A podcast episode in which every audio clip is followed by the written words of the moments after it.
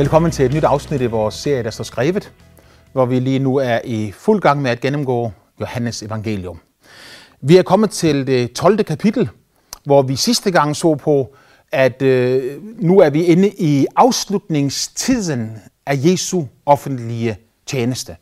Øh, her fra det 12. kapitel, så begynder Johannes at præsentere forskellige begivenheder for os, som både fortæller om den tid, der ligger foran, og fortæller om de ting, der skal ske nu, hvor han øh, begynder at fortælle om de ting, der leder frem til, at øh, Jesus han øh, offrer sit eget liv, øh, bliver korsfæstet og opstår igen fra de døde. Vi så i vores sidste afsnit på øh, den store fest, som var i Betania i, sammen med Mat- Maria, øh, Martha og Lazarus, øh, hvor Maria hun offrer et helt års løn på Jesus ved at komme med en krukke med en meget kostbar nardusalve og øh, knuser den, og så salver hun Jesu fødder som en profetisk handling, hvor hun forbereder ham til hans begravelse. Når denne øh, fest var overstået, så fortæller skriften os videre, at Jesus den næste dag, øh, hvor der var store skare, som var kommet til højtiden for at fejre påsken i Jerusalem, at Jesus den næste dag øh, går frem imod Jerusalem.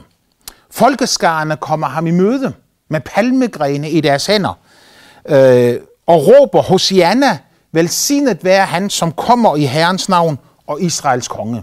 Så folkeslagene var optaget med, at Jesus var Messias, og de var begejstrede over, at nu drog han ind i Jerusalem.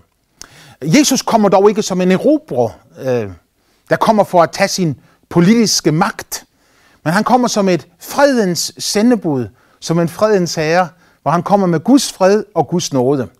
Profeten havde forudsagt, profeten Zakarias havde profeteret til Israels folk, se din konge kommer til dig, ydmygt, ridende på et æsels føl. Derfor sender Jesus sine disciple i forvejen ind i Jerusalem, hvor de øh, får at vide, at de skal finde et, et æselføl, og så skal de tage det. Og hvis øh, ham, som ejer det, siger, hvad er det, I foretager jer, så skal de sige til ham, mesteren har brug for det. Det her er disciplene gjort, og de var kommet tilbage til Jesus med dette øh, unge æselføl. Og Jesus han satte sig op på ryggen af det, for at profeten, profetens ord skulle gå i opfyldelse. Dette forstod hans disciple ikke, mens det skete. Men senere, efter at Jesus var opstået fra de døde, så kom de i tanke om, at det, det var skrevet om Jesus, og så begyndte de at forstå.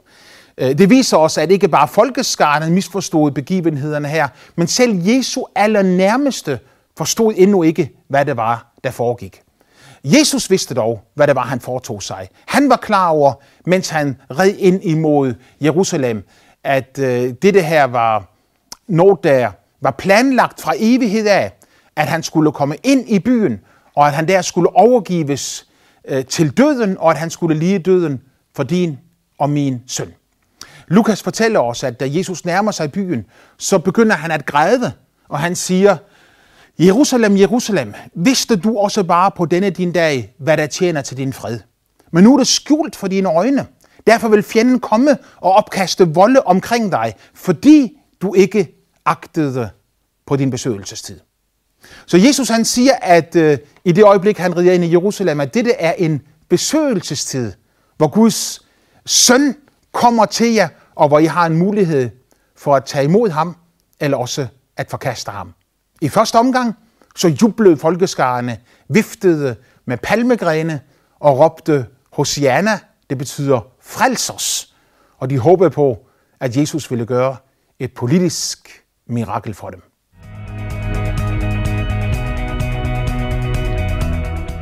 Dette fik de jødiske ledere til at blive fuldstændig øh, endnu mere vrede, end de havde været i forvejen. Og de sagde til hinanden, der kan I se, vi udretter jo ingenting. Hele verden løber efter ham.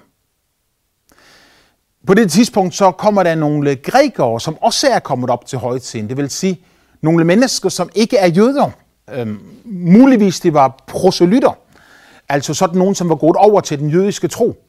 Øh, hvis ikke de var proselytter, så var de i hvert fald mennesker, som var optaget med jødedom, og de var kommet ned til påsken for at se den mægtige fest, som blev fejret der. Øh, disse grækere de finder en af Jesu apostle Filip, og de siger til ham, vi vil gerne se Jesus. Jeg synes jo, det er et fantastisk ønske at komme med. Et ønske i øvrigt, som mennesker op igennem århundrederne er kommet med den ene gang efter den anden. Og jeg håber, at nogle af jer, som ser på mig her, har det samme ønske, at I siger, jeg vil gerne se Jesus. Jeg kan garantere dig for, at et hvert menneske, som har et oprigtigt ønske om at møde Jesus og at søge Jesus, han kan få det ønske opfyldt. Også selvom vi lever i det 21. århundrede, og det næsten er 2000 år siden, at Jesus han red ind i Jerusalem på et øh, æseldyrs føl, så kan du stadigvæk i dag få lov til at opleve Guds nåde og Guds kraft ind i dit liv. Philip finder Andreas, og sammen går de hen til Jesus og siger til ham, der er nogle mennesker her, som gerne vil se dig.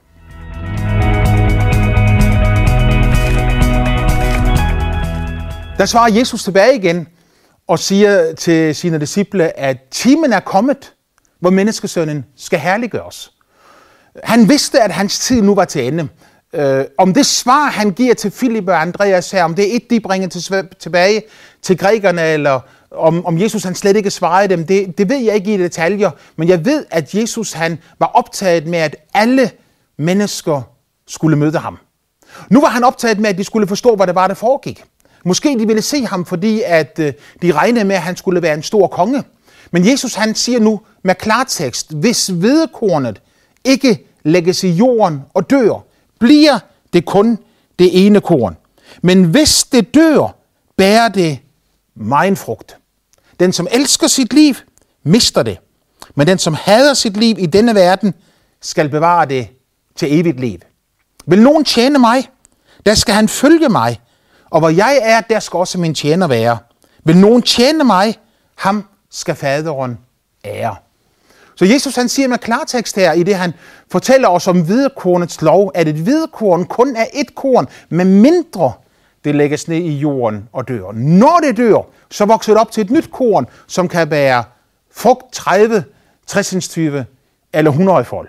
Så på den måde beskriver Jesus, at øh, hans død var nødvendigt for, at livet skulle komme til disse. Hvis disse grækere ville se ham, så var den eneste måde, de kunne få lov til at se ham på, det var ved at se ham i hans død, og senere i hans opstandelse fra de døde. Når Jesus så siger, øh, taler videre om livet og siger, at den, der elsker sit liv, mister det, men den, som hader sit liv i denne verden, skal bevare det til evigt liv. Øh, så er det ikke, fordi Jesus han er imod liv. Øh, tværtimod. Jeg har sagt i rigtig mange af disse programmer, øh, helt i begyndelsen af programmet har jeg sagt den ene gang efter den anden, at Johannes han fortæller os i sit 20. kapitel, at han har skrevet disse ord for, at vi skal tro, at Jesus er Kristus, og for at vi, når vi tror, skal have livet i hans navn. Gud er optaget med, at du skal leve. Han er ikke optaget med, at du skal kravle igennem tilværelsen og lige kunne overleve, men han vil gerne, at du skal have liv. Og i Johannes 10.10 10, siger han det tindrende klart, at tyven, det vil sige djævelen, han kommer for at stjæle, slagte og ødelægge. Men Jesus kom for, at vi skulle have liv, og det er i overflod. Så overflodslivet, Altså et liv, hvor du har så meget kærlighed, at det flyder over. At du ikke bare har nok til dig selv, men er nok til andre mennesker omkring dig. Et liv i fred og et liv i glæde, hvor der er så meget glæde og begejstring, at det ikke bare er nok til dig selv, men det er også nok til dine omgivelser. Det er det liv i overflod, som Jesus ønsker at give til et hvert menneske. Det ønsker Jesus, du skal leve i, i din familie og i dit eget personlige liv. Så når Jesus han her siger, den som elsker sit liv, mister det, men den som hader sit liv i denne verden, skal bevare det til evigt liv. Så er det ikke et udtryk for, at han taler om, at du ikke skal få lov til at opleve Guds liv og Guds kraft, men det er netop et udtryk for, at dit eget liv øh, ikke er værd at leve. I sammenligning med det langt højere liv, som Gud han har til dig. Øh, hvordan skal jeg sige det? Et menneske har et valg her i livet. Du kan leve for dig selv, eller du kan leve for Gud. Det er valget, du har. Hvis ikke du lever for Gud, så lever du for dig selv. Og når Jesus siger her, at den, som elsker sit liv, mister det, så taler han om det menneske, som elsker sit eget liv. Det menneske, som vil leve for sig selv, gør sine egne gerninger, øh, bygge sit eget slot, bygge sin eget babelstårn, at det menneske vil uværligt miste det, det prøver på at vinde. Øh, en rigtig god illustration på det er netop det, vi så på i vort forrige program, når Maria hun øh, offrer et helt års løn på Jesus. Hun giver alt væk, hun har. Og Jesus han siger, at øh, det hun har gjort der, det er en fantastisk kærlighedshandling, en fantastisk profetisk handling, en fantastisk offerhandling, som han øh, roser hende for op til skyerne. Judas derimod, han forsøgte på at leve sit eget liv. Han var kasserer, og han var tyv, og han stjal jævnligt fra kassen, og, og han forsøgte på at skabe sit eget liv, og ved, ved misbrug og svindel og humbug, at få et liv i denne verden. Og Jesus han bare siger, den som vil vinde sit liv, han kommer til at miste det. Og så får jeg han til, men den som hader sit liv i denne verden. Og der mener han ikke, had, bibelsk had betyder ikke øh, at have en indat følelse af vemmelse eller vrede imod et bestemt objekt. Men bibelsk had, øh, det græske ord for had, betyder ganske enkelt, sæt det til side. Tilsidesæt det. Så når Jesus siger, at du skal have dit eget liv i denne verden, så går han ikke rundt og så siger, at du skal øh, øh, have en grimasse på ansigtet og en tordensky omkring hovedet og, og være vred på dit eget liv. Men han siger, læg det bort. Læg det frivilligt bort. Sådan, så der kan vokse noget andet op, der er langt stærkere. Måske vi kan sige det sådan med vedkornets lov i tanke, at som Jesus siger, at hvis vedkornet ikke lægges i jorden og dør, så bliver det kun det ene korn at hvis du kun vil leve dit eget liv, så lever du kun for dig selv. Det er din verden, og alt drejer sig om dig og din navle. Hvis du vil leve for noget, der er større end dig selv, så må du lægge i jorden og dø. Så vil det vokse op og komme noget frem og ud af dig, som er så skønt og vidunderligt, at mange mennesker kan få velsignelse af det. Med andre ord, læg dit eget liv ned, og lad Jesus blive din herre. Begynd at leve hans liv, så bliver det bevaret til evigt liv, siger han. Ikke bare i dette liv får du lov til at leve i hans glæde og retfærdighed og kærlighed, men det får du lov til også i det kommende liv at fortsætte med at gøre det. Og at det er det, han mener, bliver jo helt klart, når han siger i næste vers, hvis nogen vil tjene mig, så skal han følge mig. For Jesus gjorde jo aldrig nogensinde det, der var ham selv til behag. Øh, han gjorde altid, hvad han kunne for at hjælpe andre mennesker når han i sin bjergprædiken siger, hvis nogen tvinger dig til at gå en kilometer hen ad vejen, så gå en ekstra kilometer med ham. Øh, så var Jesus jo netop den type, som gjorde, hvad han sagde, i modsætning til så mange andre, som har tonsvis af ord, men ingen handling bagved, hvor det, de siger, bliver en realitet. Jesus gjorde altid, hvad han sagde.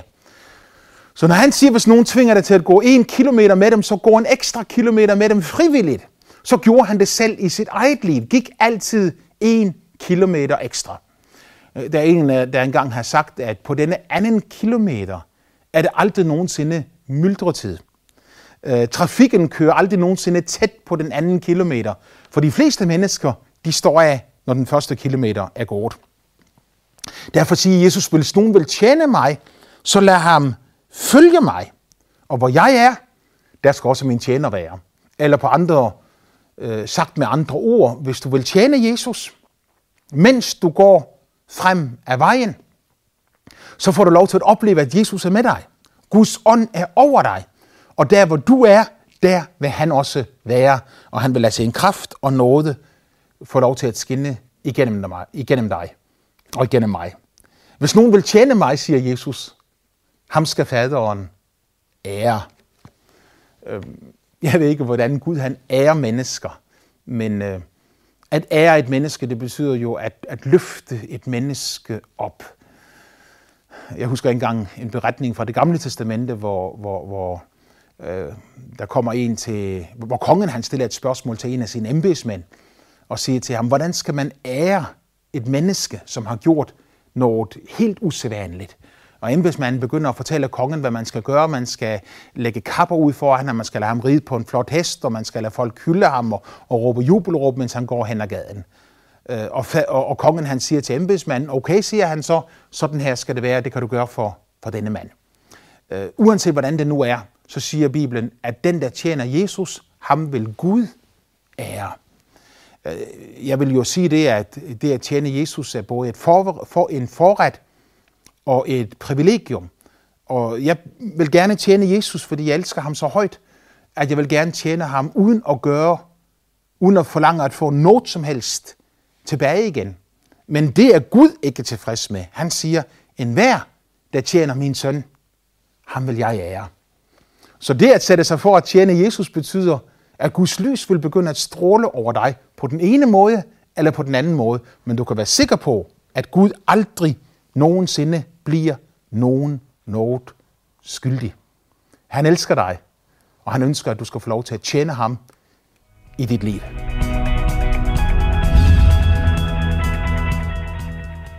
For Jesus så blev hele situationen usædvanligt stærk.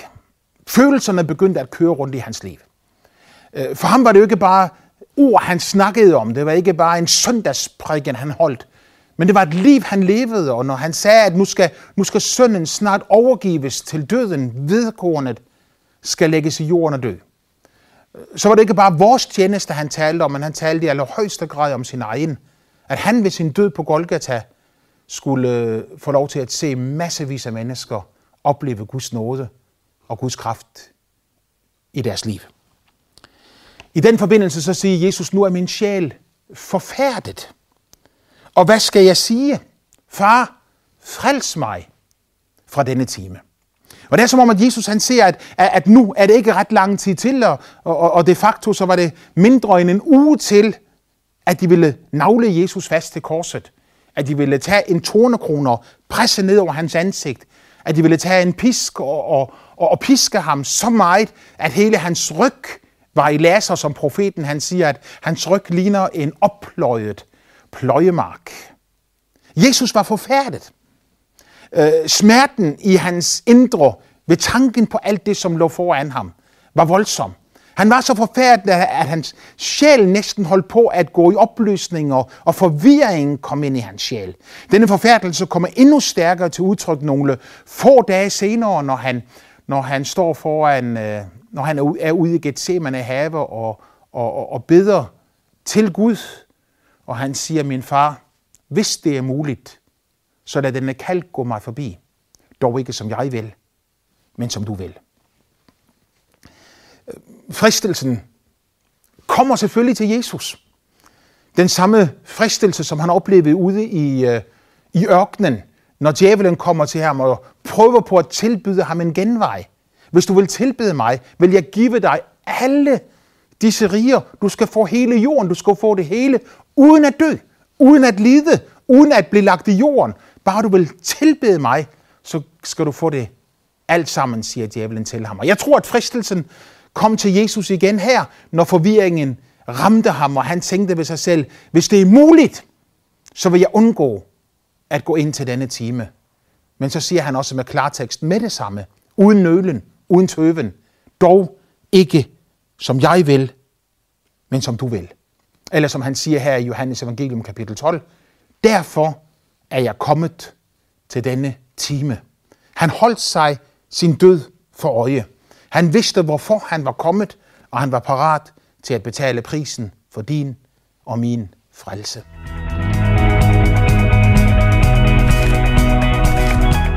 Så beder han og siger, far, herliggør dit navn. Og i samme øjeblik, som han, han beder denne bøn, så er det som en røst, der lyder fra himlen. Øh, der er som en torden. Jeg har allerede herliggjort mit navn, og jeg vil herliggøre det igen. Skaren, som stod omkring Jesus der, øh, de sagde alle sammen, det tordnede. Men nogen sagde, nej, det var en engel, der talte til ham. Men når Johannes han gengiver her, øh, nøjagtigt de ord, som blev sagt, så betyder det, at nogen af dem opfangede rysten fra himlen. At det ikke bare var støj og ballade, men at det var en klar ryst, hvor far sagde, jeg har allerede herliggjort mit navn, og jeg vil igen herliggøre det. Hvilken trøst for Jesus at opleve Guds nåde og Guds omsorg på denne måde. Det var i øvrigt tredje gang i sit liv, at Jesus han hørte en røst fra himlen. Første gang var, da han var nede ved Jordanfloden for at blive døbt af Johannes. Efter at han var blevet døbt, så står der, at han stod i vandet og, og løftede sine hænder og begyndte at bede, og mens han bad, åbnede himlen sig over ham.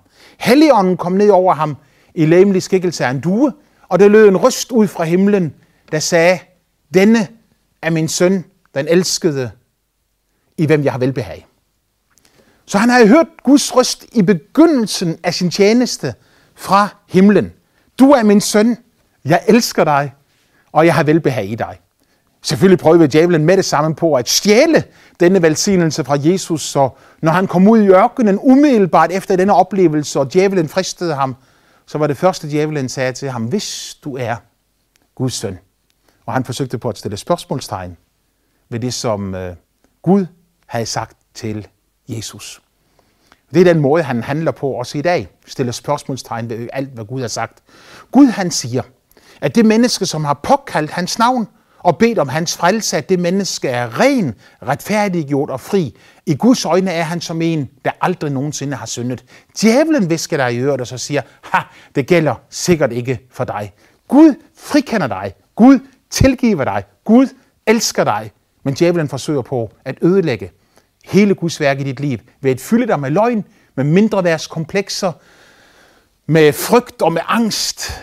Men Guds nåde og kraft er så mægtig, at hvis du påkalder hans navn, så skal du få lov til at opleve denne nåde og kraft direkte ind i dit liv. Den anden gang Jesus oplevede rysten fra himlen, var da han var på det, vi kalder forklarelsens bjerg. Han gik op på et bjerg sammen med, med, med, med tre af sine nærmeste disciple.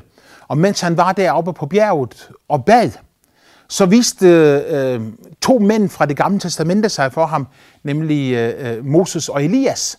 Og Moses og Elias, de talte med ham om hans udgang fra Jerusalem, altså om afslutningen på hans liv, om, om, om Guds frelsesplan, om, hans, om påskens oplevelse, hans forræderiet og, og, og, og øh, lidelserne, han måtte gennemgå, hans øh, død og også hans opstandelse fra de døde.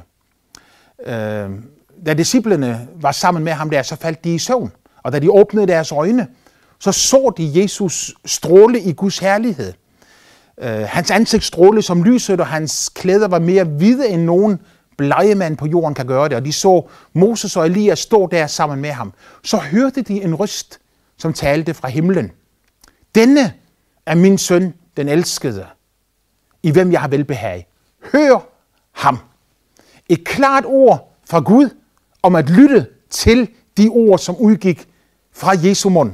Hør ham, lød der fra den himmelske herlighed. Det var i, i midterpunktet af Jesu offentlige tjeneste, altså i begyndelsen og i midten, hørte han en røst fra himlen. Og her, lige før han går ind til sin lidelse og død i afslutningen af sin offentlige tjeneste, så er det tredje gang, at himlen taler med en hørbar røst til sønnen. Jeg vil herliggøre mit navn. Jeg har allerede herliggjort det, og jeg vil lade det herliggøre det. Det, det fyldte Jesu hjerte med en enorm trøst og en enorm hvile, og han overgav sit liv til faderen, og øh, det gav ham styrke og mod og kraft til at fortsætte med at gå den vej, som Gud havde bedt ham om at gå, nemlig den frelsesvej, som skulle bringe frelsen til dig og til mig og til alle mennesker. Jesus han siger, at denne Rystlød ikke for min skyld, men for jeres. Og så kommer han med en fantastisk proklamation i det, han siger, at nu går der dom over denne verden. Nu skal denne verdens fyrste kastes ud. Så han beskriver, hvordan han har et opgør med djævelen. Han har et opgør med synd. Øhm, nogle mennesker de siger på Gud som en, der er vred på os og bare vil efter os. Gud er det modsatte. Han er ikke bred på os i det hele taget.